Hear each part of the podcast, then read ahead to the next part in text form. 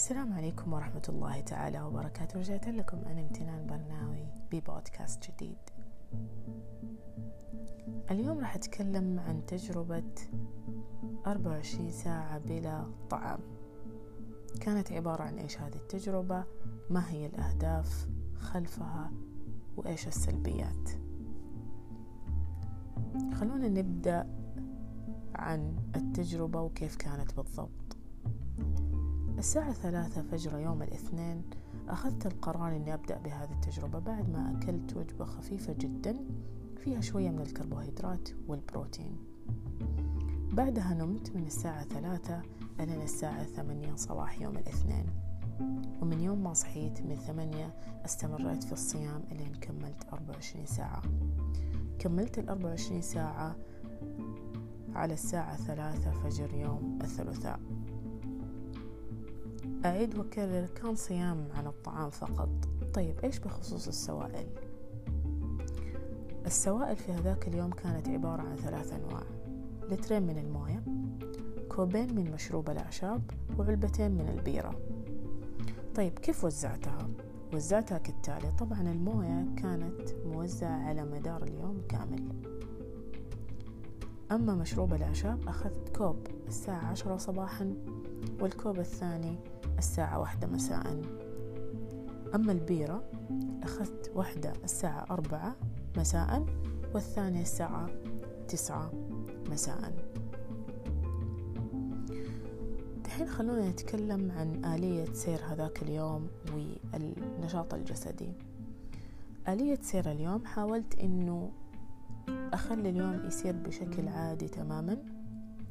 كان عندي جدول بمهام لازم أنجزها وحاولت أنجزها من الصباح بدري من غير أي تقاعس.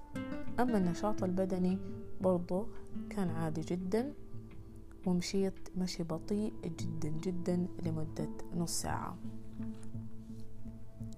خلونا دحين نتكلم عن الهدف خلف هذه التجربة والنقاط المستفادة. بس قبل كده أبى أعطيكم ملاحظتين لاحظتها على نفسي. الملاحظة الأولى لاحظت في الفترة الأخيرة وبالذات مع المهام والأعمال اللي لازم أنجزها في هذه الفترة ووجودنا في البيت من غير ما نخرج تماما كان عندي سوء في العادات الغذائية. هذا السوء في العادات الغذائية أقدر ألخصه في ثلاثة نقاط. النقطة الأولى إني كنت أستهلك كميات كبيرة من بديل السكر اللي هو ستيفيا. وإيش المشكلة من هذا؟ إنه استهلاك هذه الكميات يؤدي إلى الإدمان وإنه أنا أطلب كمية أكبر كل مرة. العادة الغذائية السيئة الثانية لاحظت عندي استهلاك لكميات كبيرة من السناكات آه، الصغيرة. أكثر من الحاجة وكمان قاعدة أستخدمها عوضا عن الوجبات الأساسية. أما العادة الثالثة السيئة لاحظت في اختلال في أوقات وطبيعة الوجبات. ليش؟ لأني قاعدة أمشي مع رغباتي النفسية وأشبع الملل اللي يجيني بين فترة والثانية. الملاحظة الثانية اللي لاحظتها إنه زي ما أنتم عارفين رمضان على الأبواب الله يبلغنا جميعا. وكلنا من دون استثناء تقريبا نواجه مشكلة إنه جسمنا مبرمج على الأكل والعادات الخاطئة. بالتالي النص الأول من رمضان إنتاجنا في النهار يقل بشكل ملحوظ جدا. وأنا بصراحة ما كنت أبغى هذا الشيء وخاصة إنه عندي مهام كثير لازم أنجزها خلال الفترة الجاية بإذن الله. طيب خلونا نتكلم عن الأهداف والنقاط المستفادة من التجربة. الهدف الأول أبغى أسخر قوة عقلي الباطن لأهدافي الصحيحة والسليمة. أتوقع إحنا ندرك إنه العقل الباطن يملك قوة جبارة جدا. أبعطيكم مثال. أحيانا وإنت جالس تذاكر أو تشتغل جالس على المكتب يصير السيناريو التالي. فجأة تلاقي على الطاولة صحن فاضي أو ورقة بسكويت وغيرها من هذه الأشياء. ما تعرف متى أكلت هذا الشيء وكيف. بكل بساطة لأنه عقلك الباطن قومك من الكرسي لأنه أقنعك أنك أنت جيعان أو طفشان. والحل بالنسبة له أنه ياخذك على المطبخ ويخليك تشيل هذا الصحن وترجع تاكله وانت ما انت حاس في نفسك. إذا العقل الباطن عنده قوة فظيعة جدا. إما إنها تس... إما إنك تستغلها لصالحك عشان يخدمك أو إنه يدمرك وما عندك حل ثالث. بالتالي الهدف لما بدأت هذه التجربة أعيد برمجة عقلي الباطن إنه يعمل لصالحي. كيف هذا الشيء؟ أنا قعدت 19 ساعة من ال 24 ساعة صاحية تماما.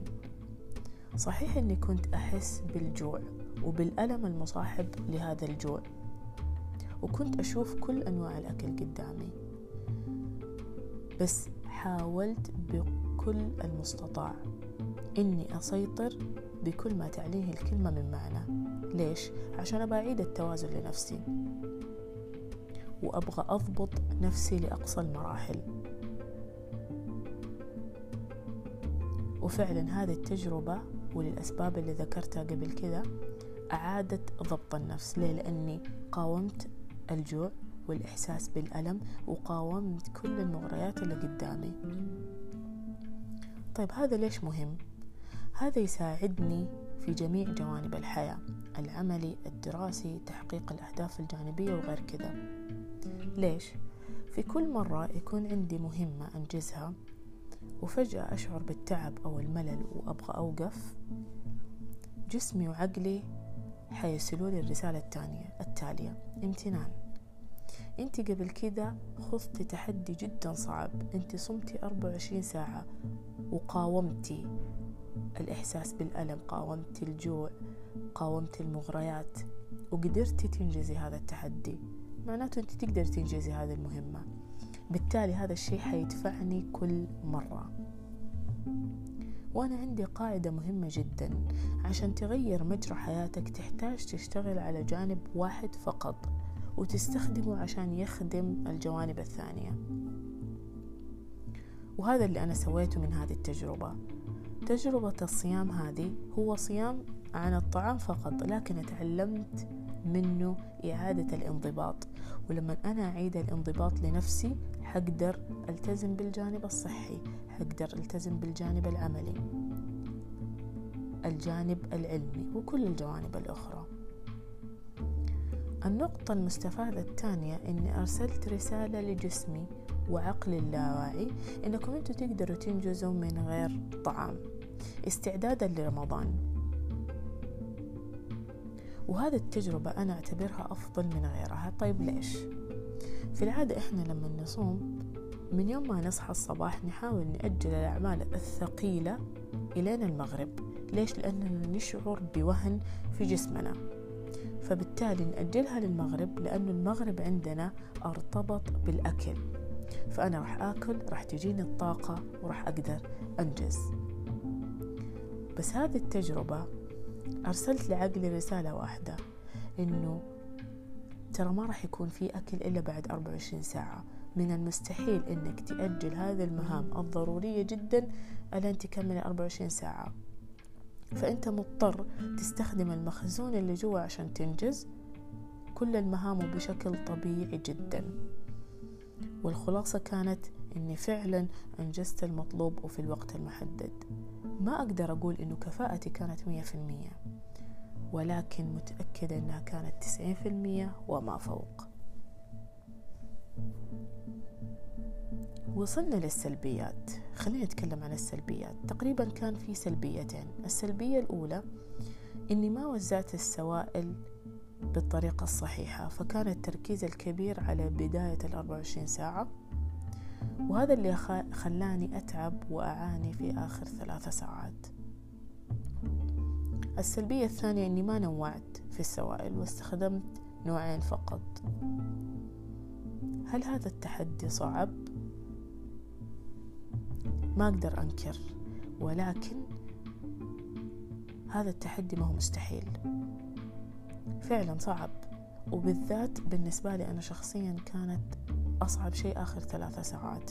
زي ما ذكرت السبب إني ما وزعت السوائل بالطريقة الصحيحة.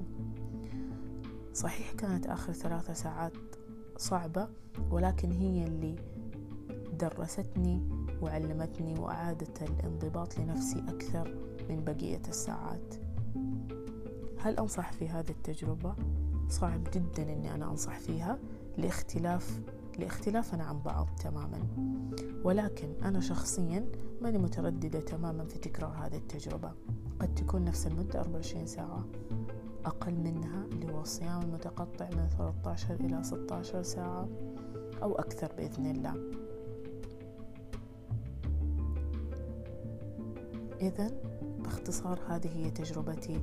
24 ساعة بلا طعام كانت عبارة عن إيش هذه التجربة؟ إيش الأهداف خلفها والنقاط المستفادة وإيش السلبيات منها. دمتم في حفظ الله ورعايته.